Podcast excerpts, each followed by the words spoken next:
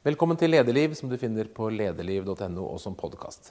I dag møter vi tidligere RV-politiker og nå direktør ved Nasjonalbiblioteket, Aslak Sira Myhre. Vi snakker om bøker, om politikk, om ledelse. Og hans råd til unge som tenker at de skal bli ledere, er slutt med det. Aslak Sira Myhre, folk ble jo kjent med deg som en uh, ung, radikal uh, rampegutt. Og nå sitter du som direktør i en stor uh, forvaltningsetat. Er ikke det et nederlag for en radikal som deg å bli direktør? Jo. Det, på en måte så er det jo det. Altså, jeg tror ikke Aslak 20 ville vært veldig begeistra for ideen om at Aslak 42 tar imot kongen på Nasjonalbiblioteket. Så det, Sett fra Aslak 20 sitt perspektiv, så, så, tror jeg det. Heldigvis er jeg ikke 20 lenger. Sånn at uh, Aslak 42 har litt lettere for å akseptere det enn Aslak 20 hadde hatt. Mm. Hva var det som gjorde at du ville ta akkurat denne utfordringen? Først og fremst var det det at noen spurte. Jeg har aldri, uh, jeg har aldri prøvd å få en jobb siden jeg søkte som vaskehjelp i Stavanger kommune i 1999. Uh, eh, jeg har vært så heldig at jeg har gjort det folk har bedt meg om å gjøre. Og jeg hadde ingen forestilling om at jeg kunne være direktør på Nasjonalbiblioteket eller nasjonalbibliotekar før uh, jeg ble spurt om jeg ville vurdere det. Uh, og da var det en uh, ganske enkel vurdering på mange måter. Den vanskelige vurderingen var å finne ut om jeg trodde jeg kunne. Altså hva jeg kunne gjøre, og finne ut hva jeg ville med en sånn jobb eventuelt. Men, men jeg har da jobbet i nesten ti år med å bygge et litteraturhus, et privat initiativ fra Fritt Ord. Eh, for bl.a. å vise fram hva bibliotek kan være. Fra mitt politiske utgangspunkt, når da det offentlige spør om du kan ta de erfaringene du har gjort i privat sektor, med deg inn i det offentlige og prøve å forme staten og kommunebibliotekene, altså folkebibliotekene, ut ifra den erfaringen, så skal det mye til å si nei til det. Du går kanskje inn i en ganske tøff tid i bibliotekene. Besøket faller, folk har alt på smarttelefonen sin. Trenger vi bibliotekene? Ja, vi trenger bibliotekene mer enn noensinne av mange grunner. Og det er ikke sånn at besøkene går ned. Besøket går faktisk opp eh, på bibliotek. Men det, folk besøker ikke bare biblioteket for å låne ting lenger. Situasjonen er sånn at vi har 427 nå folkebibliotek i Norge. Ett per kommune. Og eh, utlånet i de bibliotekene er stabilt. Vi låner ut ca. 20 millioner bøker i året. Det er det samme som i fjor og i forfjor og året før. Sånn at den fysiske boka er ikke trua. Men folk vet ikke det. Selv de som går og låner bøkene, tror kanskje at de gjør det for siste gang. eller at det er på vei ned. Så noe av det viktigste å gjøre for biblioteker, det er å fortelle at dette fortsatt så leser vi bøker. Det neste er at vi eh, har eh, som misjon de neste fire åra å gjøre norske folkebiblioteker til noe mer enn utlånsstasjoner. Og mange er det allerede. Det skal bli kulturformidlere, kultursentre, litteraturhus, eh, kunnskapsbaser. Plasser hvor du går ikke bare for å hente en bok, men for å høre et foredrag, for å høre en debatt, for å gå på et møte, for å treffe idrettslaget, for å gå med strikkeklubben din. Hva det måtte være, men offentlige plasser. Offentlige møteplasser. Og der ser vi en vekst, altså en voldsomt bratt vekst i besøk på bibliotekene. Så vi ser allerede at det, dette virker, dette skjer.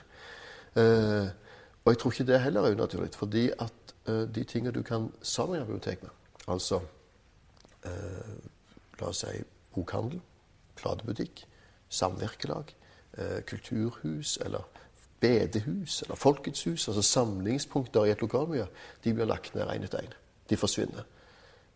og så tenker nok mange, som deg, at nå må vi legge ned biblioteket òg, for alt andre forsvinner. Vi kan ikke ha råd til bare å ha biblioteket der.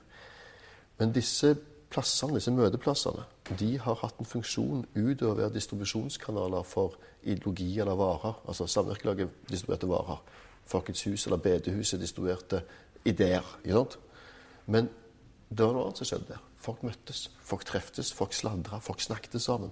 Det var der du fikk høre at ordføreren var en dust, og der du fikk høre hvem som hadde gifta seg med hvem, og hvem som hadde ligget med hvem, og hvem som hadde fått unge med hvem, osv. osv. Alt sladderet var der. Og det sladderet, det småsnakket, det er limet i samfunnet. Det er det som holder oss sammen. Det er ikke sånne store ord som holder oss sammen. Det er små ord som holder oss sammen. Hele veien.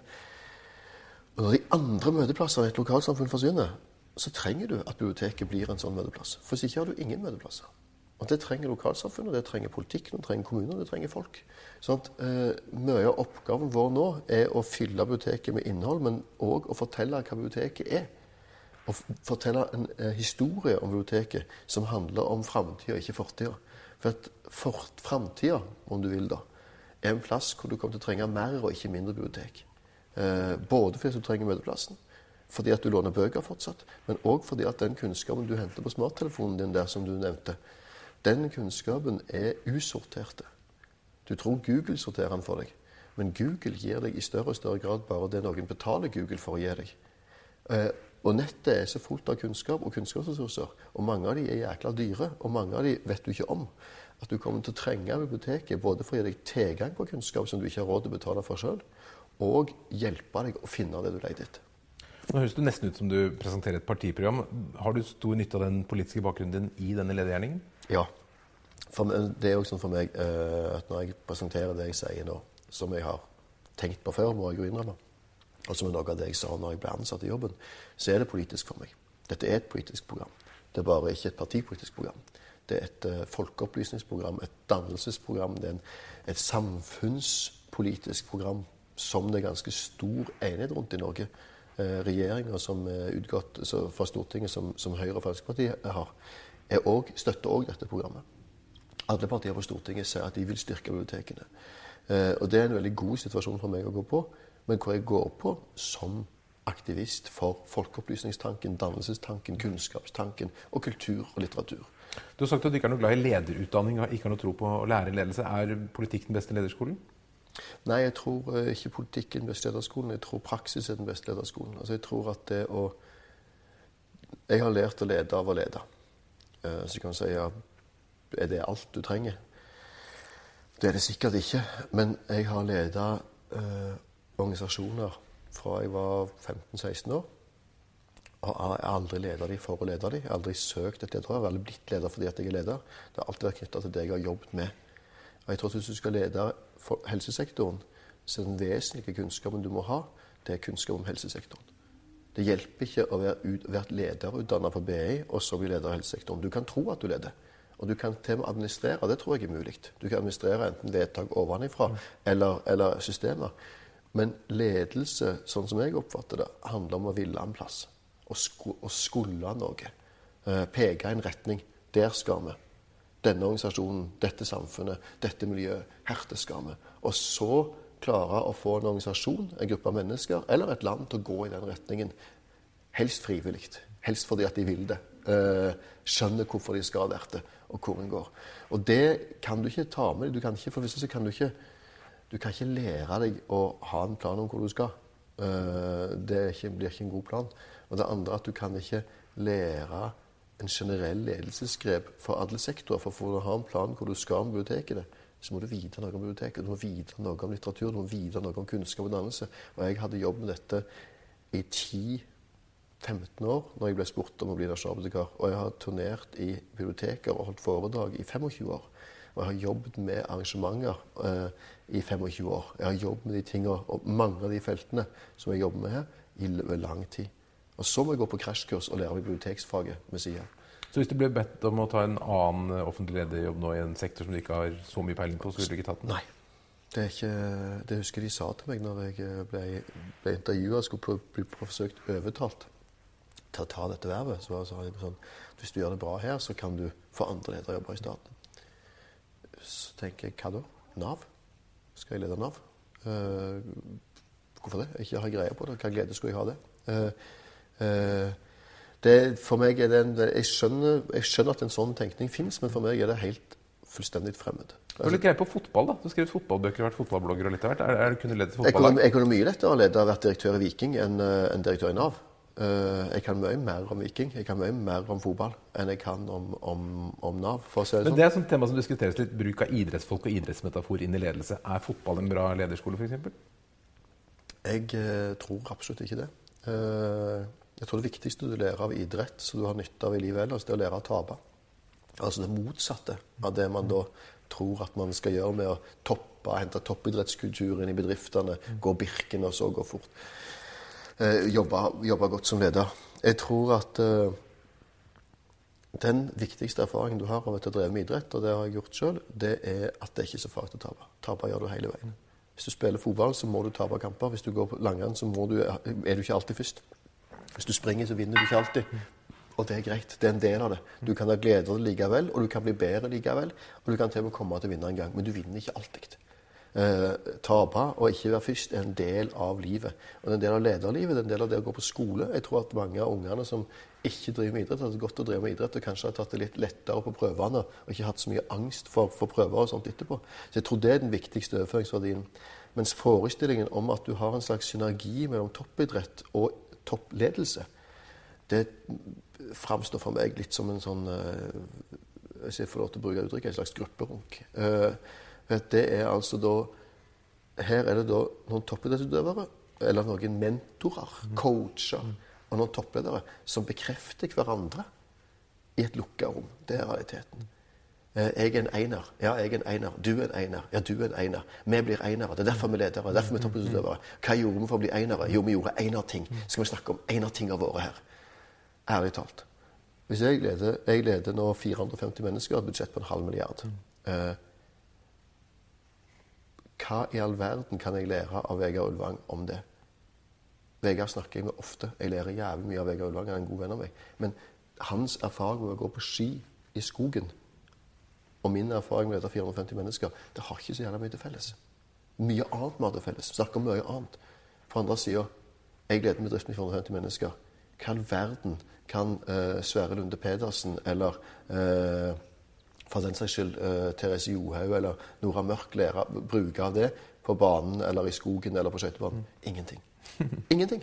Altså, ærlig talt, hvis du kommer hvis jeg kom til Nora Mørk, som nå eh, spiller håndball nede i Danmark på, for EM, og sier ja, nå skal du høre, når vi jobber med bibliografiske data eh, på Nasjonalbiblioteket, eller når vi skal lage et arrangement, eller når vi har jobbet med strategi, bibliotekstrategien så, Og derfor så skal du score. Derfor skal du Dette altså, dette er, det, er en fiksjon i stor grad.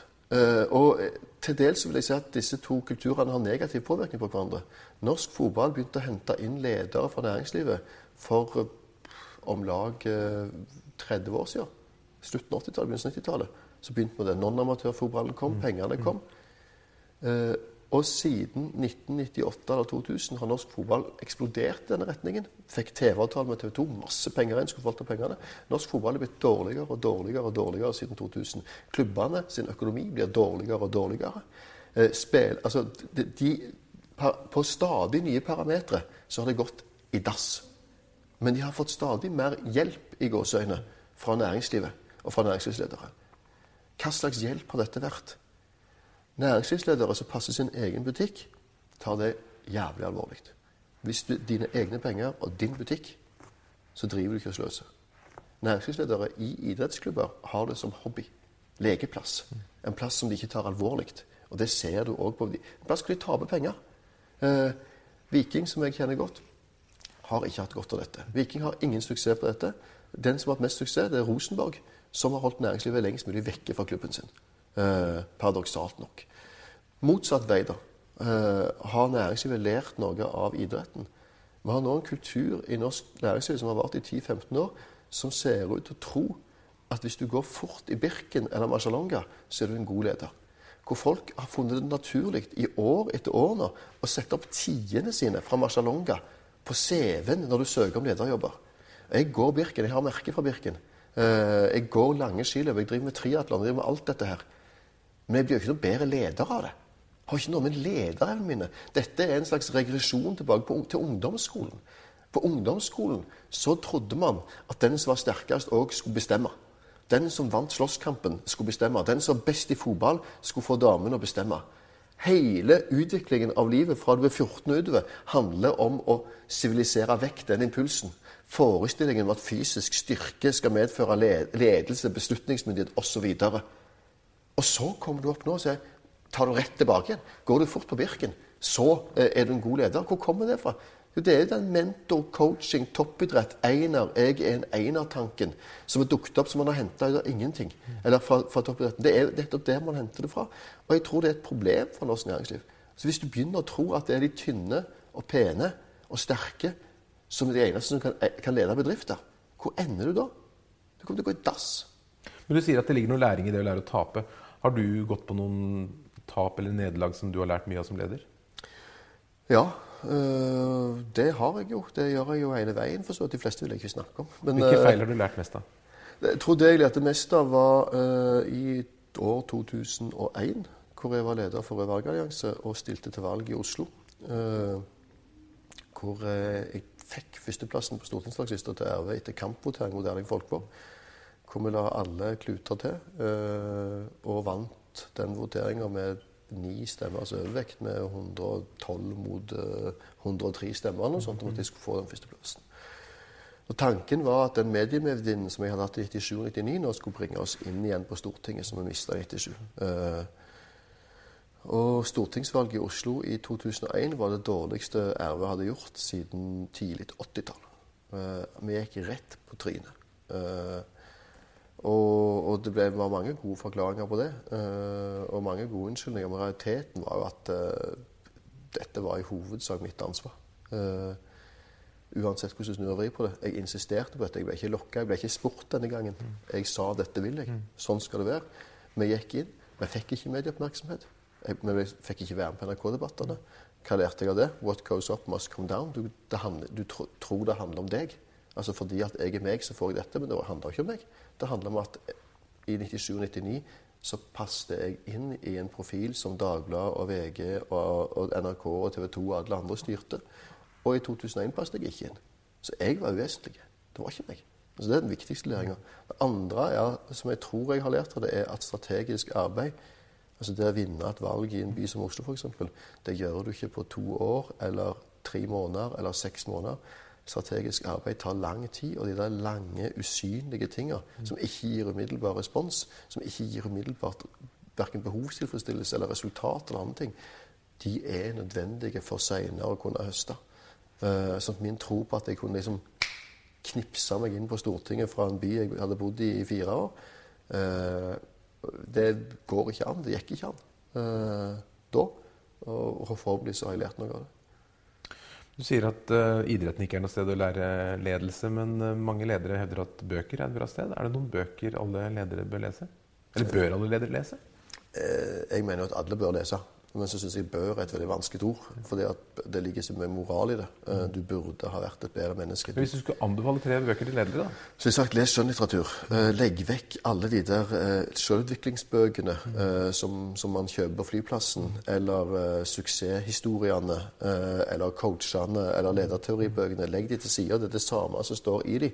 Det står det samme inni hver. Og for hvert tiår så endrer det seg litt, for det kommer et nytt paradigme, et nytt begrepspar. Det er bare ord. Det er ord du setter sammen på den samme erfaringen gang på gang. Hvis du først skal lese liksom, lederteori, så les, les, det de holder på med i Forsvaret. Men, uh, som jeg tror er kanskje Norges beste på faktisk lederutvikling. Uh, men, men, uh, men, les skjønnlitteratur. Og hvilke skjønnlitterære bøker vil stå i, bør stå i en lederhylle? det kommer an på hva du leder, vil jeg si. For det som er fantastisk med skjønnlitteraturen, at hvis du leder et helseforetak, la oss si det da, så kan du faktisk lese gode romaner Cecilie Engers mors brev, f.eks., eh, som uh, handler om ei dame som får Alzheimer, om å være datteren hennes. Det lærer du noe av. Det lærer du som leder for et helseforetak noe om situasjonen til pårørende Alzheimer, hva det er. F.eks. Uh, hvis du leder et eller annet nasjonalbibliotek, så finnes det fantastiske bøker om bibliotek. Enorme mengder. Du kan starte med Rosens navn hvis du vil det. Hvis du jobber med olje- eller industrinæring, så er det mye færre. Men det fins Ognar Hongstedt som skriver krim derfra. Det fins uh, eh, Kjartan Fløgstad sine romaner. Kielland sine vil jeg anbefale folk å lese nå pga. krisa. Kielland sine romaner fra Stavanger er ekstremt lærerike i forhold til den krisen vi er i nå, faktisk. Hvilken da vi skal trekke Fortuna. Fortuna. Fortuna og Kielland. Om fallitten. Altså om når pengene spinner, spinner, spinner. Alle tror at de blir rikere og rikere. Det til slutt dette sammen og hva som skjer. Uh, men, men først og fremst les skjønnlitteratur fordi at skjønnlitteraturen kan gjøre noe den lederlitteraturen ikke gjør den gir deg et faktisk innblikk i andre mennesker. Lederlitteraturen får deg til å se inn mot deg sjøl og analysere deg sjøl i stor grad og prøve å finne hvem jeg er og hvordan skal jeg opptre osv. En god roman får deg til å være et annet menneske. Les Chimamanda Adiches uh, 'Hav of oss Sun' uh, om Biafra-krigen i Nigeria. Å få lov til å være ei 18-19 år gammel jente i Nigeria på 60- og 70-tallet, er fantastisk. Eh, les Dave Eggers om du vil, hvis du vil forstå slakkerkulturen på, på 90-tallet og 2000-tallet. Les Sadie Smith, som skriver om å være desi, altså å være eh, innvandrer eh, i England eh, i dag. Eh, fantastiske oppvekstområder fra London. For eksempel. Eh, det er ikke viktig hvilken roman du liker, det er viktig at du liker å lese den romanen du velger. At du syns at den gir deg glede, sånn at du leser den ikke for å lære, men fordi at du blir oppslukt. Og hvis du klarer å gjøre det, så får du to ting på en gang. Du får en pause fra livet ditt som leder, fra jobben, og så går du tilbake igjen og vet litt mer om det å være menneske. Og det er kanskje den viktigste erfaringen du har. Det å få altså, Du sier mange bruker biblioteket som møteplass. Jeg tenker på særlig unge mennesker som det er jo, i hvert fall ifølge SSB da besøket har gått en del ned de siste ti årene. Eh, hvordan skal vi få dem til å lese noe lenger enn eh, det som de er vant til på, på Facebook? Eh, det er vanskeligere å få meg og deg til å lese lengre ting enn det som finner på Facebook, faktisk, enn de. Eh, når du ser på lesemønstre. Unger og, og ungdom opp til 13-14-årsalderen i Norge nå leser mer enn noen, gjort, noen, generasjoner har gjort noensinne. Og dette er viktig, fordi vi har en tendens til å like tall som sier at det går dårlig. Det går bakover. Det er triste saker. Mm. Jeg jobbet i Foreningen Les som leder der i, fra 2003 til 2007, eh, eller 2006. Eh, og jobbet med svære kampanjer for å få barn og unge til å lese. Jeg jobbet ikke alene. Det var skolen jobbet, bibliotekene jobbet, myndighetene jobbet. Den mest interessante erfaringen jeg har derfra, var at det virka. Hvis du ser sammen i 2013 og 2003, så har du sett en massiv vekst i barn og unges lesning. Mine unger leser mye mer enn ungene gjorde der. Lærerne er mye mer oppmerksom på det. Foreldrene er mye mer oppmerksom på det. Og den kulturen som jeg jobbet for å spre da Jeg prøvde å jobbe for å spre en kultur hvor man skulle lese av lyst, ikke av plikt. Altså få vekk pensumlesing og få lystlesingen. Altså at, at man leser fordi man liker det. Nå, og da var det motstand mot det. Den er nå knesatt i hele utdanningssystemet vårt, i skolesystemet. Så kommer vi til de som er mellom 13, 14 og 19, 20. De er jo problemgrupper for alle. Uh, og det tenker jeg, det må du bare innse. At sånn er det, uansett hva du prøver å gjøre. Uh, det er da eh, folk begynner å få mer lyst til å kline eller pule eller drikke eller eh, røyke eller hva det måtte være, enn å gå på skolen, enn å gå på fotballaget sitt eller idretten, enn å lese bøker, enn alt annet. Altså Dette er jo tenåret. Dette er puberteten. Og jeg tror at vi må aldri sette oss mål om at puberteten skal forsvinne. Sånn at Da setter vi oss mål vi ikke klarer å oppnå. Så det kommer aldri til å være like mye lesing, like mye idrett, like mye snille unger i den aldersgruppa som i aldersgruppa før. Uh, og så får vi se hva vi da kan gjøre. Og da tenker jeg at jeg tror at det aller viktigste i den perioden der er at uh, vi har lært folk å like å lese. Og det har vi gjort med mange flere enn før. Sånn at de velger å lese på egen hånd. Gi dem tilgang til møteplasser, biblioteker og andre, at de fins. Men så tror jeg òg at de må få lov til å forme sin egen tid sjøl. Uh, jeg skulle ønske at uh, Jeg skulle ønske at de ikke var så jævlig snille og streite. Jeg skulle ønske at de ikke var så fordi at de Jeg skulle ønske at det kom en motkultur ut av den gruppa. Uh, og da trengte de ikke lese bøker for min del, bare de sa at sånn er vi. Dette vil vi være vi skiller oss fra deg på den, den måten, og jeg skulle ønske jeg ikke forsto han. Uh, jeg vet at jeg kanskje snakker mot meg sjøl, men det er noe med at altså, hvis jeg savner noe hos norske tenåringer i dag, så er det middelklassetenåringene, de hvite middelklassetenåringene som bor i de bedre bydelene av de store byene i Norge, så er det ikke nødvendigvis engang opprør, men selvstendighet. Altså en vilje til å forme framtida utover det å forme sitt egen identitet. Altså utover å forme seg sjøl på Snapchat eller Facebook eller Twitter eller Instagram eller hvor det måtte være. Og ville stå på en scene og være synlige, for det er de jævlig opptatt av. Altfor opptatt av. Men det der å forme samfunnet altså Det er jo den perioden av livet du skal ha en idé om at du skal bære samfunnet i framtida. Og at det skal være annerledes enn det dine foreldre gjorde. Annerledes enn det de før deg gjorde. Og vi holder på å skape en gjeng med, med roboter som, som, lærer seg å være flinke på skolen. Eh, og, og gjøre rett på Oslo-prøvene og nasjonale prøver. Og gjøre kloke valg og spare penger i banken og kjøpe seg en leilighet. Men Hva vil du gjøre med det, da? Får jeg til å lese bøker. lese Ingvar Ambjørnsen, da? Eller? Jeg vet ikke. Jeg, altså, dette, dette, ligger jo i sakens karakter. Jeg kan ikke annet enn å Jeg kan ikke forme det. Det kan du aldri gjøre. Far min prøvde å forme meg. Husker han at jeg skulle hva bøker jeg skulle lese, hva jeg skulle gjøre. Det går ikke. Så jeg kan bare komme her oss imellom og si her er mine fromme ønsker. Men grunnen til at jeg sier det nå, er jo først og fremst fordi at jeg, jeg syns ikke det største problemet er at de ikke leser bøker nok. Uh, bøkene har ikke tapt. Samfunnsmessig er det et problem at de ikke trener nok. fordi at uh, helsa deres blir dårligere fordi at de ikke beveger seg. De har ikke lekt nok ute, de har ikke spilt nok fotball, de har ikke klatra nok i trær. De har alt det der.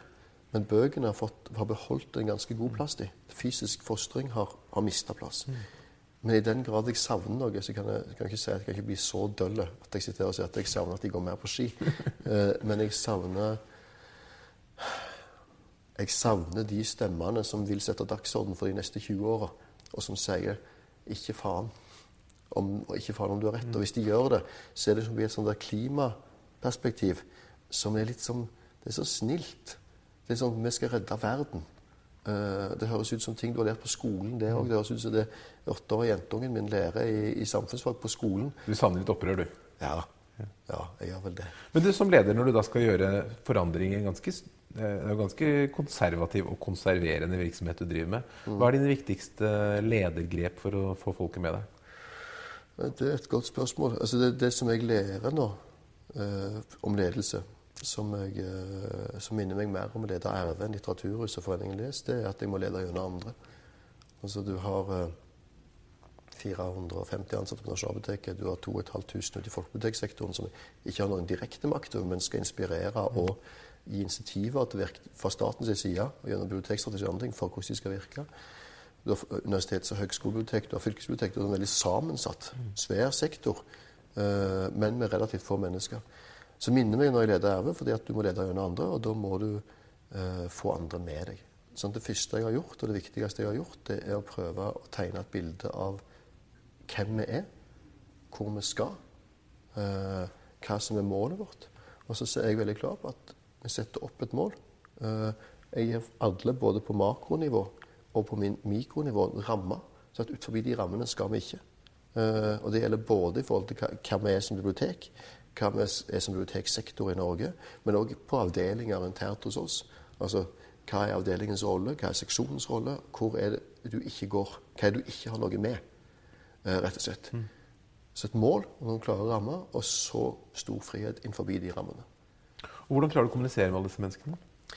Altfor lite. Det er et stadig behov for at de skal kommunisere mer. Det er et ønske for at de skal kommunisere mer. Men jeg har valgt å gjøre dette eh, sakte, syns jeg sjøl. Har du laget din egen blogg? Nei.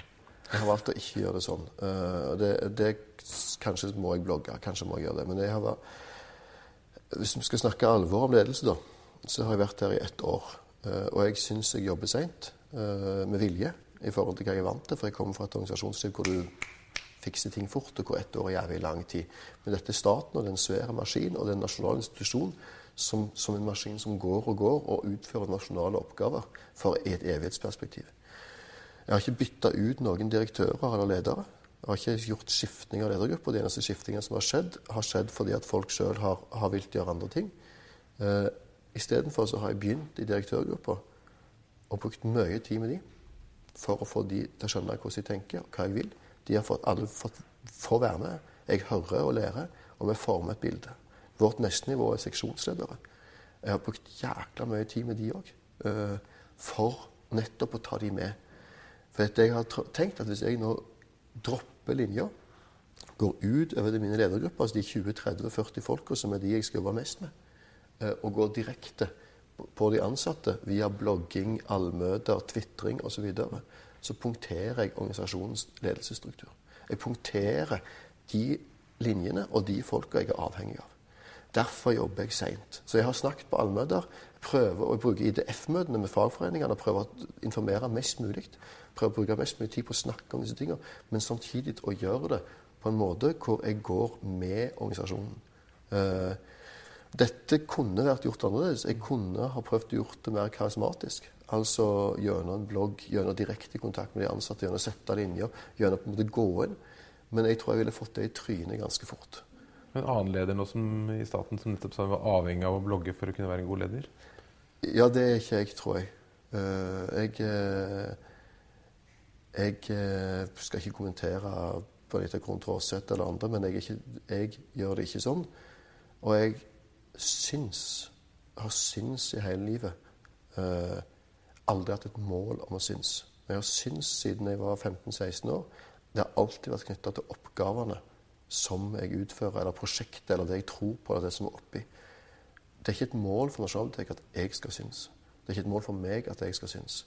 Men når jeg synes, så skal det være knytta til og når, I forhold til Nasjonalbiblioteket, vel merke, så er det knytta til det vi driver med, og det skal peke mot de andre.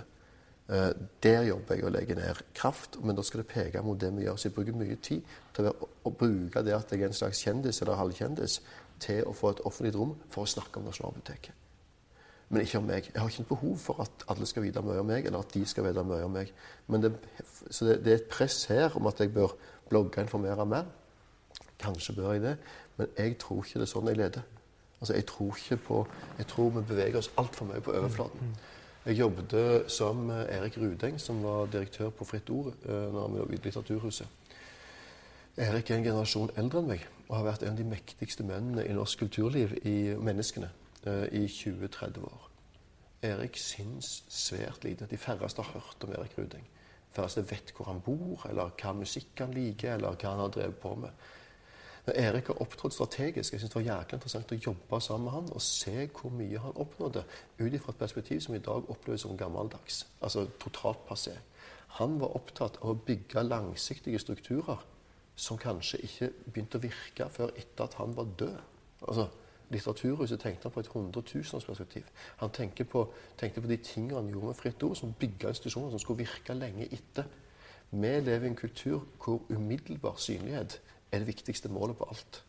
Og Da beveger vi oss med å utdanne ledere, tror jeg, frykter jeg, da, politikere og ledere, som ikke evner å jobbe strategisk i det hele tatt. Hvor man tror at man driver med strategi, men man driver bare med taktikk. Man driver bare med, med bevegelser på overflaten.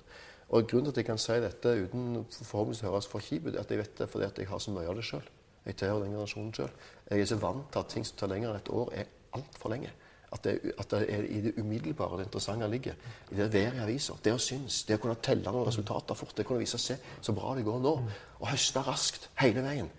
Uh, og så beveger vi oss overfor hverandre posisjonerer oss rundt mellom media, eh, politikere, ledere, i en runddans hvor blogger og tvitring og, og, og og Twitter, men òg Facebook og Instagram og andre blir en, en ytterligere bekreftelse og en runddans på toppen. Men hvor vi egentlig ikke forholder oss til strukturene. Vi forholder oss ikke til det langsiktige. Men hvis du snur dette tilbake til politikken, da, som du kommer fra, så er jo det veldig preget av dag til dag og mediestyrt og korte bilder og sånn. Blir det en barriere for din gode strategi og gjennomføringen? Ja. Jeg mener at politikken har et stort problem med langsiktighet nå. Og politikerne har det. Eh, og her er det en dialektikk. altså, politikerne former tida og er forma av tida. Og vi, vi er i ferd med å få, tror jeg, ikke politikere som ikke evner å forstå hva det sier å jobbe strategisk. Fordi at det vil si å jobbe for noe som resultatene høstes om 30-40 år, f.eks. Eh, resultatene av norsk oljepolitikk på sent 60-, tidlig 70-tall de har vi høsta på 2000- og 2010-tallet. Ingen politiker som sto bak den politikken, fikk vinne et valg på det på 2000-tallet eller 2010-tallet. Det er altfor langt perspektiv. Og de som gjorde det, har ikke syns. De har stort sett vært usynlige. De har sittet i departementet og vært byråkrater, vært backbenchere og statssekretærer og andre. De har ikke vært synlige. Å få et talentfullt ungt menneske i dag til å ikke gå etter synlighet som første bud, er jævla vanskelig. Og da er det òg vanskelig å opptre strategisk over tid. Ikke fordi at det ikke går an å være strateg og synlig, det går an å være begge deler, men fordi at du blir så gjerne opptatt av synligheten og av det som skjer umiddelbart. Dette, vet, dette er ikke noe jeg finner på. Dette Tony, sa Tony Blair når han gikk av som statsminister. En politiker jeg ikke har mye respekt for eller liker, men han sa det sjøl. Han som var det spinndoktor av alle, som, som nettopp turnerte media rundt det, opplevde dette som et problem. Og jeg tror samtlige norske partiledere opplevde det som et problem. Jeg tror mange på Stortinget opplever det som et problem. Og jeg tror strengt tatt òg at mange politikere opplever at formingen av deres egne politikere er problematiske. For at man formes i så stor grad i en slags skolevalgsverden som føres inn på fjernsynet og i offentligheten og på Stortinget, hvor ord og lek med ord og spillet mellom ord og begreper blir det altoverskyggende, mens realitetene blir eh, havner i bakgrunnen. Så jeg tror dette er et stort problem der, men jeg tror det er et problem med ledelse. Og jeg tenker at jeg vet ikke, at jeg, vet at jeg er sånn sjøl. Så jeg motprogrammerer meg sjøl veldig sterkt i den jobben jeg har nå. For jeg syns det er en svær og viktig jobb. Jeg syns det er et, en ære å få jobbe med dette. Og jeg tenker at det å få tilgang på en stor maskin, som er Nasjonalbiblioteket og den norske bibliotekspolitikken, som jeg utfører på vegne av ei regjering, for det første eh, Jeg er embetsmann, og ikke meg sjøl. Det er ikke jeg som har fått opp, det er ikke jeg som lager dette. Jeg gjør dette på vegne av regjeringa. Eh, men det andre er at eh, jeg skal prøve å bruke tida godt. Og ikke gå for lettvinte løsninger. Og ikke gå for ting som, som folk kan telle hjem og se så flinke han var. Så fort de ikke så, så mye det syntes og fikk det. Men gå for de tingene og strukturene jeg tror er riktige på sikt. Sånn at resultatene skal komme i løpet av ti år. Jeg har tenkt at tiårsperspektivet på dette i første omgang. Det er om ti år jeg skal kunne måle om dette har vært på riktig spor. Uh, og det syns jeg er krevende. For jeg vet jo så godt hvordan du kan knipse fram fire avisoppslag mm. uh, og, og, og to, to, arrangementer som får det til å se ut som ting går bra. Men, men jeg, vil, jeg, vil, ikke det. Altså, Jeg vil ikke jukse. Jeg vil at vi skal gå inn i de dype strukturene. Jobbe med folk. Forandre hodene til folk. Både folk der ute og i biblioteksektoren. Sånn at dette virker uavhengig av meg. Hvis du skjønner hva jeg mener. Altså Målet mitt på ledelse er faktisk ikke om jeg syns eller får applaus eller ikke. det jeg har stor glede av det, men det er ikke målet mitt. Målet mitt er om du kan skape noe som du kan gå ut av, og som så går videre på samme kursen. Men Det er kanskje noe av forskjellen på politikken og forvaltningen? At du ikke trenger å bli gjenvalgt om to år? Det er en, uh, veldig behagelig å slippe å bli gjenvalgt om to år. Hvis du skulle gi noen råd til unge i dag som vil bli ledere Nå sier du egentlig at du ikke vil at folk skal bli ledere for å bli ledere, men hvis man likevel skulle ønske seg å bli leder, hva skulle det være? Slutt med det. Uh, hvis du går rundt og er ung og har et ønske om å bli leder, så er du på feil kurs. Da har du et stort problem. Uh, finn istedenfor ut og tenk deg om hva du vil gjøre. Det er det viktige spørsmålet. Hva du vil gjøre med livet ditt. Hva skal du bruke? Hvis du, hvis du sjøl mener at du er så talentfull at du kan bli leder og hvis du, altså Dette må i seg sjøl tenke problematisk. Hvis du går rundt med et sjølbilde som ungdom og tenker 'jeg er leder', så, så juster sjølbildet ditt først av alt. Bevis det. Ikke tro det. Uh, men det neste er at hvis du sjøl faktisk mener at du har talenter, at du faktisk har noe å bidra til samfunnet med, så still deg sjøl spørsmål om hva skal jeg gjøre med det talentet? Hvordan skal det gagne samfunnet? Hvordan skal det gagne folk? Hva er det jeg bruker det best til? Det er spørsmålet du skal stille deg. Og Hvis du har svar på det, så kan du begynne å jobbe med det. Og så blir du leder hvis du er egnet til det, og hvis du ikke er egnet til det, så blir du det ikke. Men finn ut hva du skal bruke ressursene dine på. Vi er altfor stor grad formet som privatindivider i altfor liten grad som samfunnsindivider. Vi lever i et samfunn som gir deg gratis skole, gratis helsevesen, gratis utdanning, som tar vare på deg hvis du brekker beinet, som gir deg assistenter hvis du havner i rullestol, som hjelper oss rundt. Vi har et fantastisk fellesskapssamfunn. Du er borger av dette. Du skal stille deg spørsmålet hva er det jeg kan gjøre? Hvordan kan jeg påvirke det samfunnet? Forandre det? Eller hva kan jeg bidra med best hvis jeg har evner utover å klare meg sjøl? Du forvalter jo millioner av historier i biblioteket, og historie er en del av eh, ledelse. Bruker du historiefortelling aktivt i lederjobben? Ja, her er jeg vel eh, jeg har nå har jeg brukt mye tid på å si hvordan jeg er imot det der å bevege seg i overflaten. og, og de tingene der, Men det er klart en av de tingene man sier om overflaten da, som er sagt de siste 20 årene, er at, at, du må ha en historieforteller. Du må alltid ha en historieforteller. Det er liksom gullet.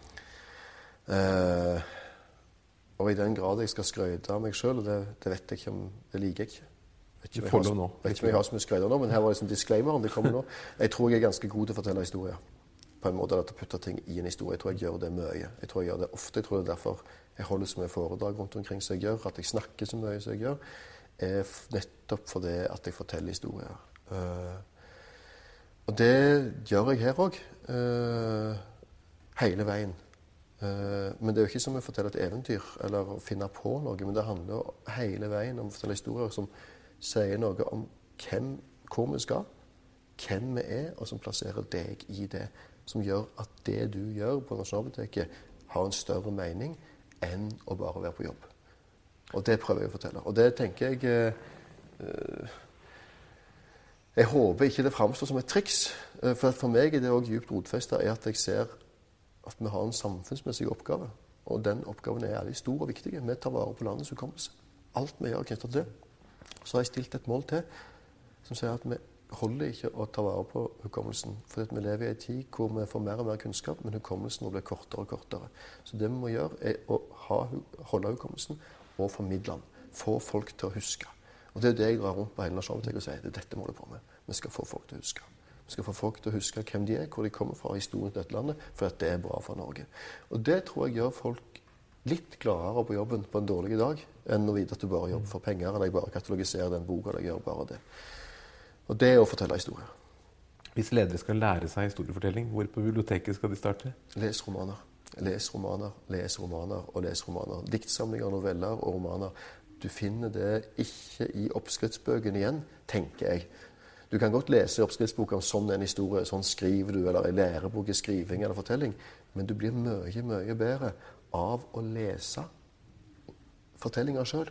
For hvis du leser mange fortellinger, så, så, blir dette en del av deg. Det blir en del av måten du forteller og tenker på, sånn at du slipper å eksternalisere det og liksom gå ut og, og finne på noe.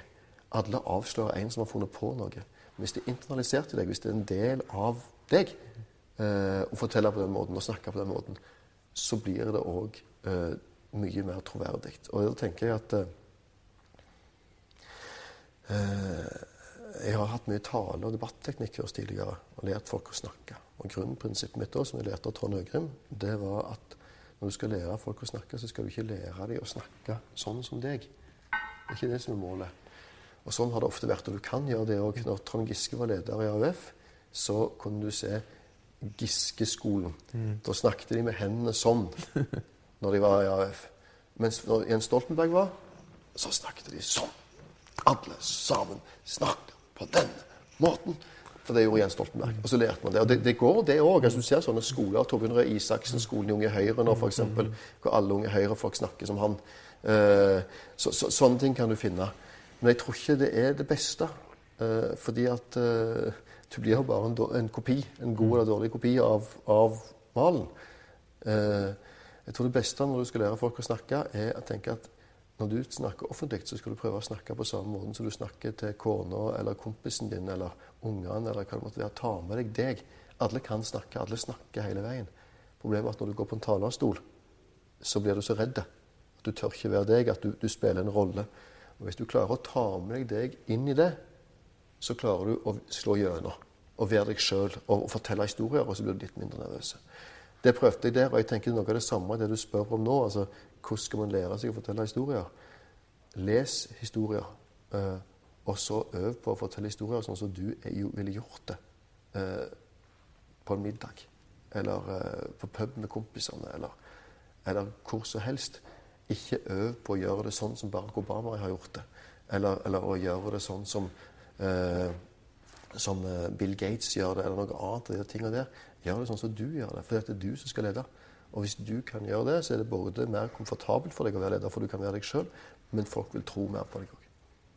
Hvis man skal gå til litteraturen og finne én god leder, hvem er den beste lederen du har? I, I litteraturen, altså i skjønnlitteraturen? Ja, hvis du skal finne gode. Har, det, er det Jesus eller er det andre? uh, altså Jesus er jo, som leder er jo mer konstruert enn en Stalin og Mao er i, eh, i, i marxismen og Mao Zedongs skrifter. Altså dette er jo en uh, det er jo en ettertidskonstruksjon. Så, sånn sett så ligner det på ei, på ei lederbok. Uh, vi ser Det er et veldig godt spørsmål. egentlig. Leder i bøker. For, altså, det, det, som er med skjønnlitteratur, er at veldig mye skjønnlitteratur er skrevet fra et underdog-perspektiv. Det handler ikke om kunstlitteraturen. Den store skjønnlitteraturen handler veldig sjelden om lederne. Den handler veldig mye om de som blir leda. Uh, og, og, de liker ofte ikke lederne. Så det er jo en sånn Sånn sett så er mytteri på Bounty uh, veldig typisk. Og hvis du da tenker deg kapteinen på, på, Bounty, så uh, Bligh heter han vel. Så er, er det jo en skurk som er lederen, og helten er opprøreren. Og den finner du igjen og igjen og igjen. Det, det er gutten og jenta på bakerste benk i klasserommet som ender opp med å skrive roman. Det er de som ikke passet inn. Det er ikke de som var kaptein på fotballaget, som skriver roman. Så det er veldig få sånne bøker. Hvis du skal finne dem, så tenker jeg meg nå at det kanskje er eventyrsjangeren. Uh, altså de, de, fantastiske fortellinger av forskjellige sorter. Hornblower. Uh, Jack Aubrey i Master Commander-bøker. altså Sånne type bøker så finner du liksom sterke ledere. Nå er ikke Jack Aubrey en veldig god leder. Men Hornblower kanskje. Det må jeg tenke. Jeg leste sånn revolusjonær jeg, jeg hadde foreldre som var kommunister, så jeg leste sånne kommunistbøker da jeg var liten. Der var det mange flinke ledere. Chupo, min favorittleder da jeg vokste opp. Chupo, spor i snøen. Uh, Chupo var en, en ung løytnant i Folkets frigjøringshær som alltid gjorde alt riktig. Har du han med deg her fortsatt? I, i, ditt, i ditt lederverv? Han fins i hvert fall nede i magasinene her, ja. Men er han i deg som leder? I tilfelle som en idé om å alltid gjøre godt, da. Uh, som vil være allmennmenneske enn som så. Jeg tror jeg har lært mer av faktiske ledere enn teoretiske ledere. Jeg har lært mer av Anne Karine Tane og Erik Rudeng uh, enn jeg har lært av å lese lederlitteratur.